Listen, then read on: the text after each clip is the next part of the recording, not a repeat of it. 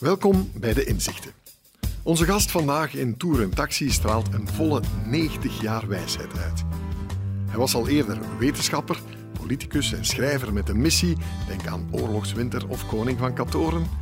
En hij is nog altijd een volbloed verhalenverteller die hele naties kan inspireren met zijn wijze, wijdse visies over de toekomst of simpele verhaaltjes over zijn kindertijd toen de touwtjes nog uit de brievenbussen hingen. Hier volgen de inzichten van Jan Terlouw. Jan Terlouw, welkom te België. Wat een ongelooflijk voorrecht voor ons om u hier te hebben. Ik vind het een hele eer om hier te mogen zijn. We hebben nog een stoel bijgezet. Uh, u weet welke stoel dat is. Hè? Dat is de, de toekomststoel, maar ik laat het u even uitleggen. Oh, ik heb een boek geschreven, Het hebzuchtgas. Dat gaat over het klimaatprobleem. En dat eindigt ermee dat ondernemers die bekeerd zijn, dat ze anders moeten handelen, dat die bij hun vergaderingen altijd een lege stoel hebben staan. En daar zit de toekomst. Zodat ze er voortdurend aan herinnerd worden, daar zit de toekomst en die praat mee bij onze beraadslagingen. Ja, wat een prachtig idee. Hè? Uh, het schijnt dat men in, in de Tweede Kamer bijvoorbeeld ook een 151ste stoel er wil gaan bijzetten. Nou ja, daar, daar wordt naar gestreefd door sommige mensen. Ja. Of dat gaat gebeuren, dat weet ik niet. Ik wil meteen hier het uh, idee lanceren voor België. We hebben nog altijd een Kamer en een Senaat. Daar kan heus nog wel een stoel bij. Als we maar weten dat de toekomst meepraat in onze beslissingen.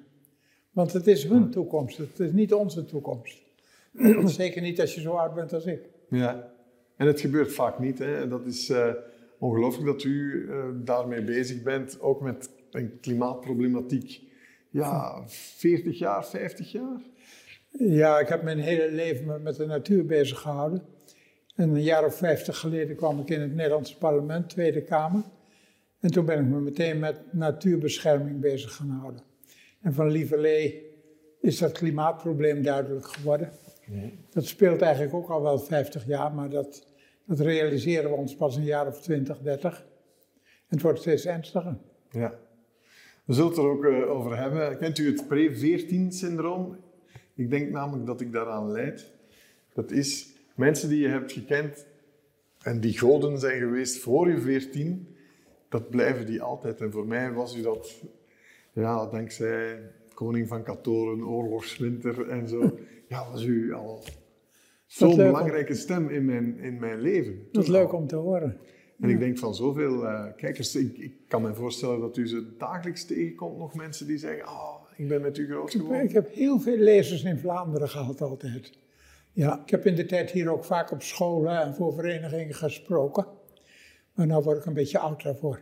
Ja, maar u ziet er nog altijd ongelooflijk patent uit. En heeft deze ochtend, als ik het juist heb, zelfs in deze mooie dagen nog de schapen, kippen, uh, runderen eten gegeven? Ja, we hebben goede uh, schapen en kippen. En die moeten even verzorgd worden s'morgens. Dat ging nog net voordat we wegreden naar Brussel. Is dat het geheim van, van uw jeugd terug naar het platteland? Nou, misschien is het wel goed voor een mens hè, dat hij veel in de natuur is, zoals ik. Gezond en het is ook prachtig. Natuur is zoiets moois. Zoiets wonderbaarlijk moois. Ja, u woont op een van de mooiste plekken van Nederland, hè? Zo de, de IJsselvallei. Aan de IJsselvallei, ja. In de IJsselvallei. Ja. Prachtig. U heeft begrepen dat het uh, gezelschapsspel hier uh, draait rond een aantal inzichten die u ons heeft uh, gegeven. De eerste vond ik al meteen prachtig en ik heb het opgezocht. het blijkt al meteen een citaat op citaten.net. De auteur blijkt te zijn Jan Terlouw. En het luidt als volgt: Het hebben van plichten is een recht. Dus u bent daar al langer mee bezig dan gisteren. Een soort slagzin van me, ja, in de politiek. Mensen hebben het heel vaak over hun rechten. En vanzelfsprekend, dat is ook belangrijk, mensen moeten rechten hebben. Maar eh, ongeveer even belangrijk vind ik dat mensen plichten hebben. Want als mensen plichten hebben, dan horen ze erbij. Dan zijn ze inclusief, dan mogen ze mee verantwoordelijkheid dragen. En ik denk dat dat heel goed en belangrijk is voor mensen. Ja. Mensen moeten erbij horen. En die, die inclusiviteit van andere culturen, van, van mannen, vrouwen, van, van iedereen. Zorg dat, je, dat hij erbij hoort en dat ook weet dat hij gehoord wordt Dat is belangrijk. Ja. Ja. Heeft u de indruk dat, dat de overheid en dat de samenleving in, in het algemeen dat met burgers vandaag niet genoeg doet? Ik vind dat de Nederlandse overheid te veel tot in detail de mensen voorschrijft wat ze moeten doen. Natuurlijk goed om te zeggen, zo gaan we dat regelen. En laat dan mensen, de mensen over hoe ze dat precies doen. Als je zegt, dan hou je stipt aan die regels, dan gaan mensen alleen maar naar die regels zitten kijken. In plaats van initiatief te tonen en verantwoordelijkheid te nemen. En ze horen er ook minder goed bij. Maar het is zo belangrijk om erbij te horen, gehoord te worden. Ik ben ook erg voor die burgerberaden die opkomen op het ogenblik. Ja. Laat mensen zich weten dat ze gehoord worden, dat ze het toe doen. Vandaar hebben we van plichten, het is een recht om dat te mogen doen. Ja. Denkt u dat politici soms ja, angst hebben voor, voor een soort parallel universum van, van burgerraden eh, en zo, die het op een andere manier zouden kunnen gaan beslissen? Het blijkt dat als mensen zich erin mogen verdiepen, dat ze ook de politici beter begrijpen. En beter begrijpen hoe problematisch het soms is, hoe lastig het is. Ja. Je hebt gezien dat in Ierland, in het katholieke Ierland, abortus mogelijk is geworden door een burgerberaad. Dat mocht nooit van de politiek, die dachten ongetwijfeld, dat willen mijn burgers niet, mijn kiezers. Ja, als die kiezers erover mee mogen praten, dan komen ze tot de conclusie dat het toch in veel gevallen wel een recht is wat er moet zijn. Want er is natuurlijk een groot verschil tussen plichten hebben en verplicht worden. Ja, tuurlijk, je, je wordt verplicht, er is een wet. De wet is, de wet is zo belangrijk. De wet is eigenlijk het symbool van vrijheid. Want als je vrij bent, ik, ik heb de oorlog nog heel bewust meegemaakt. Je weet wat het is om niet vrij te zijn. Als je vrij bent, dan denk je misschien op het eerste gezicht, kan ik lekker doen wat ik wil. Dat is natuurlijk helemaal niet het geval. Vrijheid is niet lekker doen wat je wilt, het is met elkaar afspreken, democratisch. Dat doen we wel en dat doen we niet. Ja. En dat leg je vast in de wet. Dus eigenlijk is de wet het mooiste symbool van vrijheid. Democratische wet. Ja, het idee is, mijn vrijheid, mijn vrijheid gaat tot waar die van u begint. Zo is dat. Ja. Dus je spreekt het samen af. Simchat Torah zeggen de Joden, die hebben daar een feestdag van. De vreugde van de wet. We denken wel, de wet is lastig, daar moet je aan houden. Dat is ook zo. Maar het is ook heel erg mooi dat je met elkaar afspreekt wat je wel en wat je niet doet. En dat vastlegt en je daaraan houdt. Want als mensen verplicht worden, ja, dan zie je wel eens vaker dat het echt fout loopt. Zullen we ja, de verplichting tot vaccinatie als, als een eh, voorbeeld nemen? Ja, maar mensen moeten ook begrijpen dat je met elkaar moet afspreken hoe doen we dat met dat coronavirus. Gaan we inenten of gaan we niet inenten? Goed. Mensen die zich echt niet willen laten inenten, die moeten die vrijheid hebben. Maar dan moeten ze ook begrijpen dat ze dan een plicht hebben om ook voor de gezondheid van de anderen te zorgen. Dus dat ze met eh, zo'n coronapas moeten leven, dat is natuurlijk lastig. Maar ja, wat wil je? Je moet de andere mensen toch ook beschermen. Het gaat niet alleen om jou, het gaat om de hele samenleving, vind ik. Maar ik zie steeds meer een dilemma op het ogenblik. Enerzijds willen mensen dat de overheid iets voor ze doet. En anderzijds, als de overheid iets te veel doet naar hun zin, dan protesteren ze ook. Ja, je kunt tegen voor alles de straat op gaan. Maar we zijn een samenleving waarin je niet alleen rechten, maar ook plichten hebt. En verantwoordelijk voor elkaar bent. Zo hebben we het eigenlijk al over uw, uw tweede inzicht eh, gehad. Dat, dat was de beste bescherming van vrijheid is een eh, democratische wetgeving. Ja, de wet is het mooiste instrument van de politiek wat er is. Eh, heeft dat veel te maken, inderdaad, toch nog? Ja, ik heb Oorlogswinter gelezen, het heeft mij nog altijd niet eh, losgelaten, maar u heeft het meegemaakt natuurlijk. Zo'n Tweede Wereldoorlog, een, een overheid die zich tegen zijn eigen burgers keert en omgekeerd. En die naar willekeur handelt. Die zegt, ik pak jou op en ik schiet je dood als gijzelaar. Ja, als je, als je met zo'n overheid zit, dan ga je beseffen wat het betekent om een democratische overheid te hebben. En ik heb dat al jong dus meegemaakt en geleerd. Mijn vader was dominee, een notabel. En als er iets gebeurde, dan pakten ze mensen uit de buurt op en schoten ze dood, vaak notabelen. Dus ik was al heel vroeg heel bezorgd dat mijn vader opgepakt zou worden. En de, de bevrijding kwam als een ongelooflijke gift, als een enorme vreugde. Ja. ja. Is het ook daarom dat u later toch redelijk snel heeft beslist om zelfs als wetenschapper uw verantwoordelijkheid te gaan nemen en politicus te worden? Ja, ik, ik, ik was natuurkundige en ik werkte in het kernfusieonderzoek. Maar dat schoot helemaal niet op. het is nog altijd niet gelukt hè, om, kern, om kernfusie te gebruiken voor onze energievoorziening. Dus toen ik dat 13 jaar gedaan had, toen dacht ik, ja, ik ga dat niet meer meemaken, laat ik wat anders gaan doen. Plus mijn politieke belangstelling die vanuit de oorlog onder andere nog kwam. Toen ben ik de politiek ingegaan.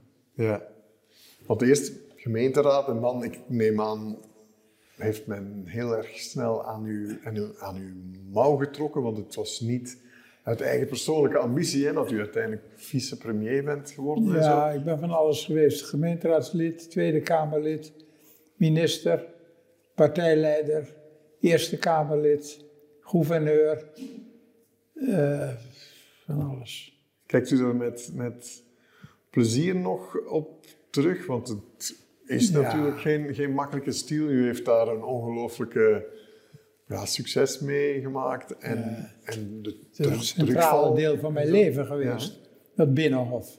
Je zit dan in het kloppende hart van je land.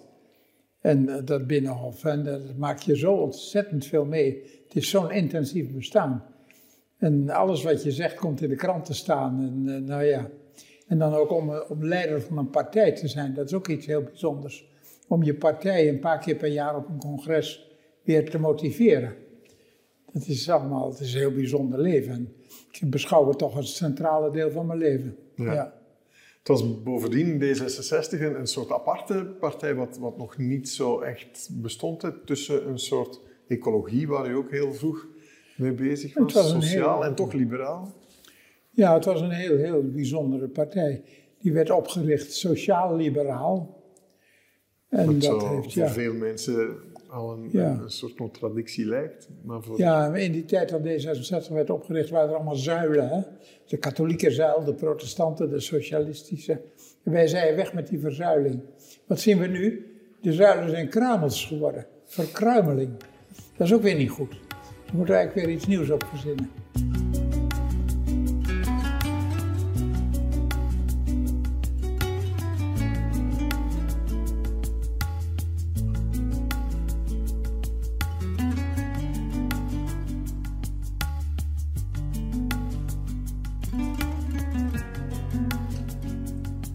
Dan komen we nog bij, bij een credo van u, waar u ook al eens langer mee bezig bent dan sinds gisteren.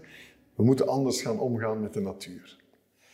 Ja, we behandelen de natuur als slaaf en we moeten de natuur behandelen als partner, als gelijkwaardige en beschermen. Zoals de natuur ons ook beschermt en in leven houdt. We gaan op een zeer onzorgvuldige manier met de natuur om. Er sterven enorm veel soorten uit. Nou zijn er altijd in de natuur, zo werkt die, er sterven soorten uit en er komen soorten bij. Dat is, dat al een half miljoen jaar is dat het geval. Maar op het ogenblik sterven de dieren honderd tot duizend keer zo snel uit als dat er nieuwe bij komen. kun je natuurlijk maar een hele korte periode doen. Er zijn in de loop van de geschiedenis zijn er meerdere grote uitsterfperiodes geweest. Maar nu gaat het sneller dan ooit. Toen deed het soms miljoenen jaren voordat dan 80% was uitgestorven. Nu doen we dat in 100 of 200 jaar. Heel onzorgvuldig en heel gevaarlijk. Dus we moeten optreden tegen dat verkeerd omgaan met de natuur. Heeft u de indruk dat, dat politiek dat ook te laat is, is gaan beseffen? U was een van de roependen in de woestijn lange tijd. Het is heel traag op gang gekomen. We kunnen het al 50 jaar weten dat we het verkeerd doen. En nu begint het toch eindelijk een beetje door te dringen in de wereld, is mijn gevoel. En dat is ook wel misschien net op tijd. En misschien net om de verkeerde redenen, omwille van het feit dat we er nu heel persoonlijk en direct mee geconfronteerd worden. Ook uh, ja, Nederland is deze zomer te prooi gevallen aan behoorlijke watersnood en zo. Dat helpt natuurlijk wel. Hè? Het feit dat daar in Duitsland zoveel mensen zijn verdronken, in België ook. In Nederland ook ernstige overlast. Ja, alleen maar door regenval. Ja. Niet eens door zeespiegelstijging, die er ook aan de rechten komen. En dat is wel goed dat de mensen daardoor zich meer bewust worden. Zo kan het niet langer. Want er zijn maatregelen nodig die de mensen zullen treffen. Je ziet nu weer overal een stijging van de energieprijzen. Ja, dat gaan we voelen. Dat kan niet anders. Maar het is noodzakelijk. We hebben te gemakkelijk die aardolie verstookt alsof dat zomaar kon. Ja. En heel goedkoop te krijgen over de hele wereld. Dat moeten we veranderen in duurzame energie gebruiken. Wat is duurzame energie? De zon. Het oerwoud doet het ook met de energie van de zon, dagelijkse zon. Niet de energie van vroeger, uit de bodem. En dat zullen wij ook moeten doen. Interessant hè, dat u als, als kernfysicus eh, inderdaad vooral zo een pleitbezorger bent van die, die grote thermonucleaire reactor daar eh, boven in, in, in de lucht die we maar gewoon moeten zien te oogsten. En niet meteen van laat ons vooral eh, blijven doorgaan op kernenergie.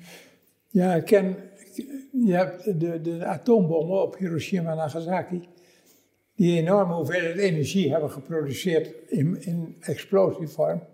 Dat berustte op splijting van kernen. Zware atoomkernen, uranium, plutonium. Als je daar een stukje afhakt en splijt, dan hou je twee nieuwe atomen over. Is het dan geen plutonium meer? Plus een heleboel energie. En wat is nou het eigenaardige? Dat als je hele lichte kernen, bijvoorbeeld waterstof heeft maar één deeltje in de kern, twee van die waterstofjes, als je die fuseert, bij elkaar weet te brengen, wat ze niet willen, want ze zijn allebei positief geladen en ze stoten elkaar af. Maar als je ze toch bij elkaar weet te brengen, dan komt daar ook een heleboel energie bij vrij. En dat gebeurt op de, in de zon, op de zon. Al die zonne-energie is niet splijtingsenergie, maar fusie-energie. En als we dat konden nadoen hier op aarde, dat zou heel mooi zijn, want dat geeft veel minder afval. Er is genoeg waterstof. En plutonium is heel schaars en heeft allerlei schadelijke effecten. Dus geen kernsplijting, maar kernfusie. En dat was het onderzoek waar ik in zat en wat nog steeds niet gelukt is. Ja. Ofwel op de zon en ja, wij hoeven het maar te oogsten. En daar zegt u vaak, ja, ook dat ligt al zoveel jaren klaar eigenlijk, dat onderzoek. Waarom doen we dat nu niet? Maar ik bedoel, het, het oogsten gewoon van, van de energie van de zon. Valt op één uur meer energie, ruwe energie op deze aardbol dan we voor een heel jaar nodig hebben of zo. Hè? Ja, dus, dus uh, de zon straalt zo ontzaglijk veel energie uit. Als je dat zegt in, in petajoules, nou is een groot getal. Zeg in olie-equivalenten. Okay. Een liter olie, daar kun je verbranden en kun je een uurtje bij warm blijven. Hè? Een vat olie, 159 liter. De zon straalt uit de, de energie die zit in 10 miljoen vaten olie per aardbewoner, dus keer 7 miljard, per seconde. Onvoorstelbare hoeveelheid energie. Komt maar een klein deel op aarde, maar zoals u zegt, toch altijd nog in één uur meer dan de mensheid in een jaar gebruikt. Dus er is genoeg. Ja. Alleen je moet hem pakken en gebruiken. En ook dat kunnen we, moeten we alleen doen. Ja. U heeft echt ideeën ook om, om die zonne-energie te oogsten zegt ja, je moet dat doen waar er veel zon is. Ja, je kunt de zonne-energie overal gaan halen en doe het vooral waar er veel van is. Er is in onze landen niet zo gek veel zon, ook nog een heleboel hoor. Maar ga bijvoorbeeld naar de woestijn en haal het daar, want die woestijnen dienen verder voor heel weinig. En er is heel veel zon en er zijn allerlei technieken om die zonne-energie om te zetten in waterstof of in elektriciteit. En het heeft nog een voordeel dan breng je in die landen die veelal arm zijn, breng je technologie, breng je werkgelegenheid. Dus je vermindert ook het vluchtelingenprobleem. En dat vind ik, we doen het met olie ook, die halen we ook over de hele wereld, daar waar het is. En bij die zonne-energie doen we net of het allemaal per se in onze achtertuin moet. En dat vereist een hele omwenteling van de economie, van de energievoorziening, van die infrastructuur van olie moet er een infrastructuur van duurzame energie worden. Dat is nogal wat. Maar het kan. En waarom doen we het niet? Is het ook omdat bijvoorbeeld in Nederland natuurlijk, ja, dat land ook groot is geworden op die grote gasbubbel van Shell en zo? Ja, omdat, waarom doen we het niet? Omdat het ingewikkeld is, omdat het een beetje welvaart kost. En omdat het een enorme daadkracht vergt, de hele omwenteling van, van, een, van een wereldwijde industrie, die moet heel anders. Al die, al die raffinaderijen en al die olieschepen en zo. Al die ja-knikkers, dat is allemaal niet meer van toepassing dan. Dat is nogal wat. Mhm. Maar het kan en we moeten doen. Ja.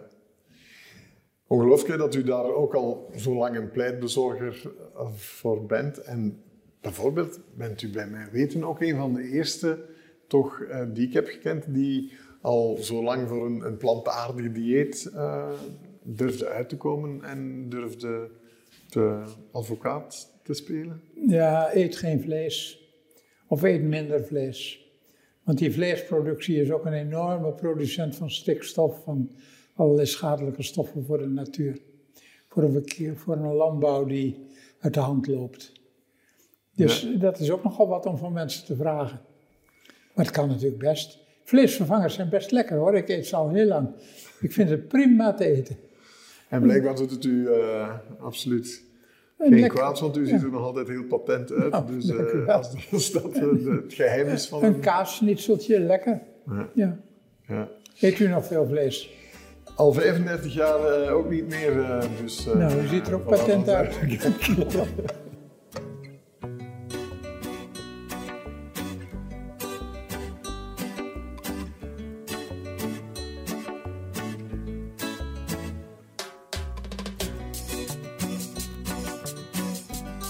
volgend inzicht, daar bent u het levende bewijs van. Uh, het verhaal is sterker dan de PowerPoint. Ik geloof dat in door de geschiedenis is gebleken dat mensen enorm gevoelig zijn voor het verhaal. Het verhaal is persoonlijk. Als je met kleine kinderen, die hebben enorme fantasie.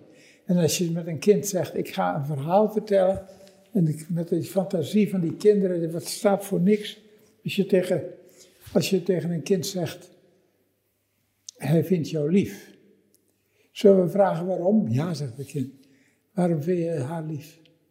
Hij vindt je lief omdat je zo lief voor je broertje bent geweest vanmorgen. Gaat een kind meteen mee met die fantasie. Dat is het verhaal. Verwaarloos het niet. Het is zo'n mooi instrument van communicatie. Zijn we het een beetje verloren in, in tijden van ja, smartphones waar, waar iedereen door Instagram feeds PowerPoint, al die lezingen waarbij, goed ik heb natuurkundige zoveel lezingen bijgewoond, dat de spreker zegt, mijn onderwerp is dat en dat, first slide please. Hij keert zich om en je ziet hem nooit meer terug. Hij staat met een bibberend pijltje beelden aan te wijzen. Ja. En je bent hem kwijt. Ja. Werkt niet. En het valt me altijd weer op dat het verhaal beter aankomt dan PowerPoint. PowerPoint is natuurlijk heel nuttig. Ik gebruik het nooit, maar vroeger nog wel eens wat, om even iets te laten zien. Maar als je je hele lezing ophangt aan PowerPoint en die mensen moeten steeds maar weer van beeld naar beeld, eh, dat werkt veel minder dan goed dan wanneer je zegt, ik doe dat wel eens, ook tegen een grote zaal van ondernemers of zo, zeggen, ik zal u een verhaal vertellen. Wordt meteen doodstil in de zaal. Er was eens doodstil. Het verhaal is zo sterk. En dat is het altijd geweest in de geschiedenis. Het verhaal. Dus ik vind het zonde als het verhaal verloren gaat. Het was bij dat beroemde touwtje uit de brievenbus. Ja, hij heeft natuurlijk voor televisiegeschiedenis gezorgd. Op dezelfde manier in Nederland. Matthijs van Nieuwkerk die zei... Je, je bent jarig en je krijgt een cadeautje. Je mag de bevolking een verhaal vertellen. Zeven minuten. Wil je dat? Ja. Waarover dan? Nou, over de natuur. Hij zei, nou, dat is goed. Eh, we zullen het wel illustreren met beelden van DiCaprio's en film en zo. Ik zei, nou, doe dat nou eens niet. Alleen de kracht van het woord. Nou zei hij, oké, daar is de camera. En ik sprak in de camera, regelrecht tegen de mensen. En er viel ook weer stilte. Ja. Ondertussen ja, besef ik me dat dat gouden verhaal over het touwtje uit de bus, wat u bij Matthijs uh, van Nieuwkerk heeft gedaan, dat niet iedereen heeft gezien. Dus wil u het nog even samenvatten of, of, of vertellen waar dat over gaat? Want het gaat, ja, nou, waar we het al over hadden, vertrouwen. Eigenlijk. Ik vertelde wat we de natuur aan het aandoen zijn en wat dat betekent. Maar ik zei ook, en dat lossen we niet op als we elkaar niet vertrouwen. En dat kwam aan. Ik kwam thuis. Mijn vrouw en mijn oudste dochter die hadden zitten kijken. Mijn dochter die keek ook naar de sociale media. En ze zei, het ontploft. Duizenden reacties. Maar niet over de natuur, over vertrouwen. Dus dat voelden mensen. Als we elkaar niet vertrouwen, dan kun je niet samenleven. Dat, dat zien we toch. Je kunt toch in een, in een maatschappij, als je die kinderen niet naar school durft te sturen omdat je de meester niet vertrouwt, de juffrouw. Als je naar het ziekenhuis durft omdat je de verpleegster of de arts niet vertrouwt. Als je je geld niet op de bank durft te zetten. Als je elkaar niet vertrouwt, dan, kun je in, dan is er geen samenleving. Voor een samenleving is de definitie dat je elkaar vertrouwt. En dat hoorden de mensen erin, denk ik. Ja. En daar waren ze het 100% mee eens. Misschien gewoon voor het detail. Ik weet niet of iedereen weet hoe dat zo'n touwtje aan, aan een brievenbus werkt. Dat is, daar hangt dan een sleutel aan? Nee, dat in Nederland dat zit aan het haakje van de deur waarmee je de deur open doet. de deur open. En dan trek je dus van buiten trek je de deur open. Oh ja. Dat is het. Dus eigenlijk staan overal de deuren open en dat is Ja, in die tijd in de stad de kinderen die liepen bij elkaar in en uit met die touwtjes. De metafoor, touwtje uit de brievenbus, dat je elkaar vertrouwt. Ja. Dus ik zeg mensen, gebruik het verhaal. Ook naar kinderen toe. In de opvoeding is het verhaal zoiets sterks. Ik heb vier kinderen en ik heb ze opgevoed met verhalen. Iedere avond een verhaal. Zo bent u jeugdschrijver geworden dan? Uh, bijna ja. als toemelings, zoals men hier in uh, Brussel zegt. Mijn vrouw luisterde mee naar die verhalen, iedere avond na het eten een verhaal over de actualiteit, over iets wat ze deden of volgens mij niet moesten doen en zo, in de vorm van een verhaal. Ze luisterde altijd mee en ze begon na verloop van de tijd te zeggen, Jan, je fantasie groeit en groeit, schrijf eens op. Ja joh, ik ben natuurkundige, ik kan niet schrijven. Jawel, toen nou, schrijf op. En na tien jaar ben ik het eindelijk gaan doen. En zelfs u hebt die boeken gelezen. het, is, het werkte, ja. Leven het verhaal. En Heeft het tien jaar geduurd vooraleer u durfde ja, uw eigen verhalen? Ja, ja. Dus zoveel verhalen zijn, zijn verloren gegaan in die kinderkamer. Ja, dat, verloren, dat, is wat mijn vrouw ook zei. Die zei, God, er gaat weer een prachtig verhaal uit raam uit wat zonde. Schrijf op. Ja. Ah joh, ik, ik, kan niet schrijven, ik ben natuurkundige. Maar zij bleven aandringen en aandringen. En ik raad allemaal aan om op den duur te doen wat zijn vrouw zegt. Dat helpt. In het algemeen en het bijzonder. Ja. Want koning van Katoren en, en, en ja, oorlogswinter, Piotr, uh, Oosterschelde, windkracht 10, ik heb ze allemaal gelezen. Denk ik. Wat leuk. Um, ja, u, u, kon niet weten natuurlijk welke impact ze zouden hebben, maar het, het heeft u verrast uh, waarschijnlijk. Ik was, ik was stom verbaasd dat het lukte. Ik dacht, dat kan ik helemaal niet. Ik ben natuurwetenschapper. En die boeken die lukten. Die werden goed ontvangen, kreeg gouden griffels en zo. Ja. Werden ook in Vlaanderen heel goed ontvangen. Ja, de verbazing van mijn leven, kan ik u verzekeren. Als wetenschapper is uw volgende ehm, credo: de kennis van wetenschappers is ook gemeenschapseigendom. Dat is vooral op het ogenblik, vind ik, dat steeds belangrijker worden. Er zijn tegenwoordig politici in Nederland, ik weet niet of ze ook in België zijn, die zeggen: Ik geloof de wetenschap niet. En die spreken van alles tegen wat de wetenschap zegt over het klimaat, over de coronacrisis. Zegt die bestaat helemaal niet of dat soort dingen. Laten ze nou eens bedenken dat hun hele leven, hun hele welvaart, hun gezondheid afhangt van resultaten van de wetenschap. De wetenschap heeft zoveel bereikt voor de samenleving. En dan ga je zeggen, ik geloof de wetenschap niet. Als volksvertegenwoordiger, een volksvertegenwoordiger heeft daar geen verstand van. Is geen wetenschapper. Volksvertegenwoordigers kunnen geen wetenschappelijk debat voeren. Zijn ze niet voor opgeleid, hoeven ze ook niet. Wat ze moeten doen, dat is kennis nemen van wat de wetenschap aanlevert. En dat hoort de wetenschap zo verantwoord mogelijk te doen. En dan horen ze de, die resultaten te vertalen in maatschappelijke maatregelen. Daar is een politicus voor. En dan ze gaan zeggen, ik vertrouw de wetenschap niet. En daarom, omdat ik me dat zo ongerust maakt, met dat doen, zeg ik, wetenschappers, besef nou dat wat je weet, dat weten de meeste burgers niet. Maar jij als wetenschapper wel. En dat geeft je een geweldige verantwoordelijkheid. Als er onzin wordt beweerd, spreek het keihard tegen. Ja, zegt die wetenschapper dan, maar ik weet het niet zeker. Twijfel is mijn grote vriend. En terecht. Nee, je weet het niet zeker, maar wel bijna zeker. En spreek het dan met je bijna zekerheid keihard tegen. Je zegt, mensen, hou je mond over dingen waar je geen verstand van hebt. Ja, is dat het probleem van ehm, klimaatcommunicatie? Dat, dat veel wetenschappers toch te laat op de barricaden zijn durven gaan ja, staan? Omdat ze zeiden van, dat is onze taak Ze gaan niet op de barricade. Ze zeggen, ja, ik weet niet, we denken wel bijna zeker te weten. En, en in het begin van die klimaatbewustzijn gingen, zij een heleboel mensen, nee, maar kijk maar naar die wetenschapper die zegt dat het niet waar is en dat het toen ook is voorgekomen. Meestal vergeten ze dan de tijdschalen. Dingen voorgekomen, maar in miljoenen jaren. Nu in honderden jaren. En, eh, en dus wetenschappers, doe iets met je wetenschap voor de samenleving, want je hebt hem ook van de samenleving gekregen. Het is wetenschap die door je voorouders is opgebouwd en die door de staat wordt betaald om het jou te laten weten. Dus het is niet alleen van jou, het is ook van de samenleving, doe er wat mee. Ja. Wees een staatsburger. En dat zeg ik ook tegen het onderwijs. Onderwijsleerlingen van alle niveaus, dat ze bezig zijn om staatsburger te worden. Met de gigantische verantwoordelijkheid die daarbij hoort.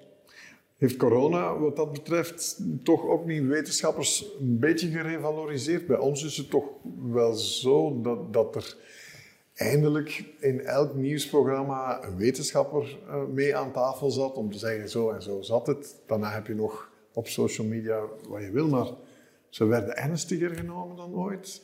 In Nederland, in het begin, was de bevolking tevreden dat de overheid maatregelen nam. Zei lockdown, kan niet anders. En ik voelde de bevolking fijn dat er een overheid is die dat regelt. Maar na verloop van tijd begonnen ze het tegen te spreken en wisten ze het beter. En, en was het niet zo eenduidig en maakte de overheid ook fouten. En gingen ze mensen tegenspreken. Ja, en, en zij moeten met hun grote rijkdom de twijfel ook omgaan. Ja, wij, wij, weten niet precies wat de invloed van deze maatregelen is. En ze weten niet welk vaccin goed gaat werken en of je een derde vaccin nodig hebt. Dat moet de wetenschap ook eerlijk zeggen natuurlijk. Dit weet ik maar betrekkelijk zeker. En dat maakt het voor de wetenschap lastig en voor de bevolking makkelijk om de wetenschap tegen te spreken. Ja. Maar wetenschappers, wat je weet, die kennis hoort ook aan de samenleving. Je hebt hem ook van de samenleving gekregen en je bent ook een staatsburger. Hmm. Maar ze zijn wel enorm belangrijk in de samenleving. Alle welvaart en langer leven en een grotere gezondheid te danken aan de wetenschap. Ja, maar is het ook een, vingerwijzing aan, aan, wetenschappers die bijvoorbeeld, zeg maar iets, voor, voor een groot farmaconcern gaan werken waar kennis niet altijd gedeeld wordt? Meer nog, waar misschien kennis niet wordt vrijgegeven als het de ziekte oplost waar medicamenten voor worden gemaakt? Ik vind het zeer bedenkelijk. Hè? Als een farmaceutische industrie een medicijn heeft, maar er alleen nog maar geld aan wil verdienen en het daarom een beetje nog bezig houdt en niet eh, beschikbaar stelt, kunnen die leven met hun geweten, vraag ik me vaak af. Want ze hebben het toch verworven. Natuurlijk, ze hebben hun eigen inspanning daarvoor geleverd. En daar horen ze ervoor betaald te worden. Maar het zich toe-eigenen vind ik heel bedenkelijk. Hoor. Ja.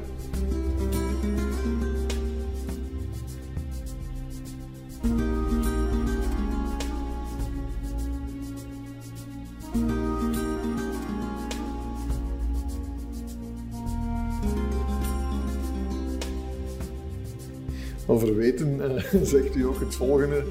Hoedt u voor mensen die iets zeker weten? ja. Ja, dat is weer wat anders. Mensen die iets helemaal zeker weten, die willen heel vaak dat een ander het ook weet. Ja. Vooral de godsdiensten zijn daar goed in. Die menen zeker te weten hoe het zit op grond van een openbaring. En dan moeten de anderen dat tot aan de brandstapel toe. Dat is natuurlijk veel. En uit, nu het Mohammedanisme komt dat ook nog voor. Je zult het ook weten, wat ik zeker weet. Nou, hoed u voor die mensen. En u bent een zoon van een dominee. Uh, ja. Kwam dat wel goed tussen u en uw vader op die manier? Dat ging eigenlijk heel goed. Ik ben al heel jong, onder de tien, begon ik tegen mijn vader te zeggen, hoe kan dat nou? Onder de tien? Echt? Onder de tien al. Hoe kan dat nou? Jezus ten hemel gevaren? waarheen dan? Het, uh, en mijn vader zei nooit, foei toch jongen, nooit.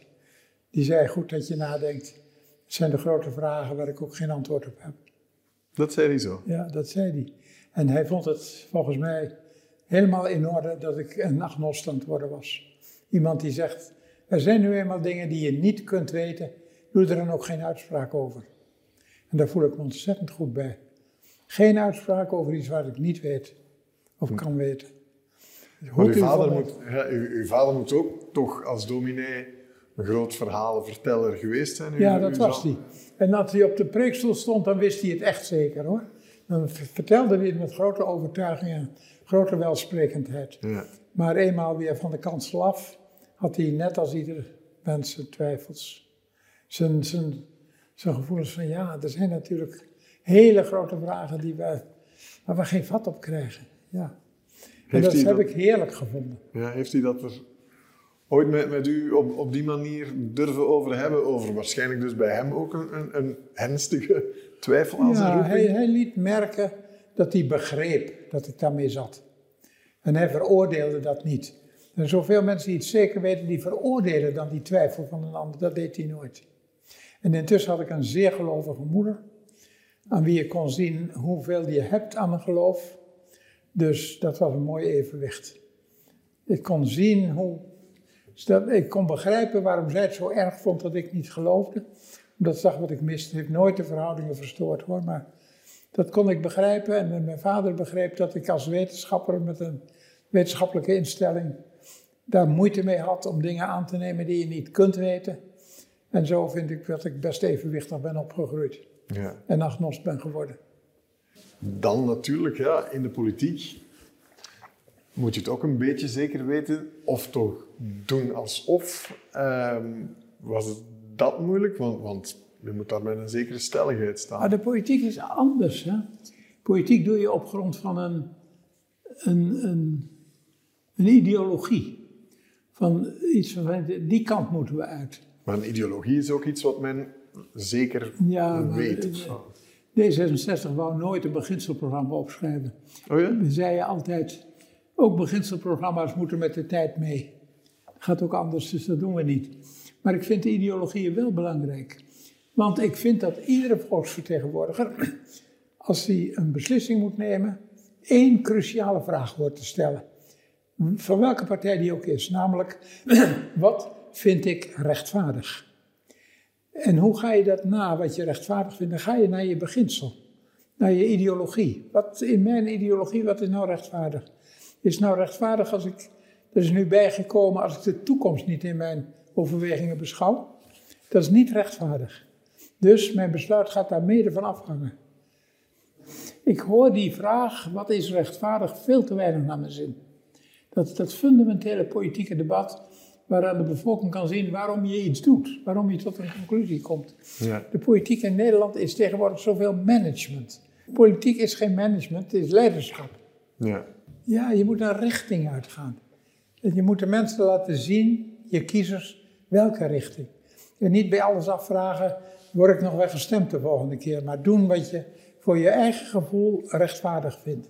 Een rechtvaardige richting voor de mensen nu, voor arbeiders, voor, voor mensen met kapitaal een beetje, niet veel, voor, voor de natuur, voor de toekomst. Ja. Heb het erover, dan, dan kunnen mensen het zien en het er al of niet mee eens zijn. Goed, uh, wie met beide benen op de grond staat, komt geen stap vooruit, zegt u. Dat vind ik ook wel mooi. Ja. Beetje grapje. Uh, maar er zit ook wel een kern van waarheid in.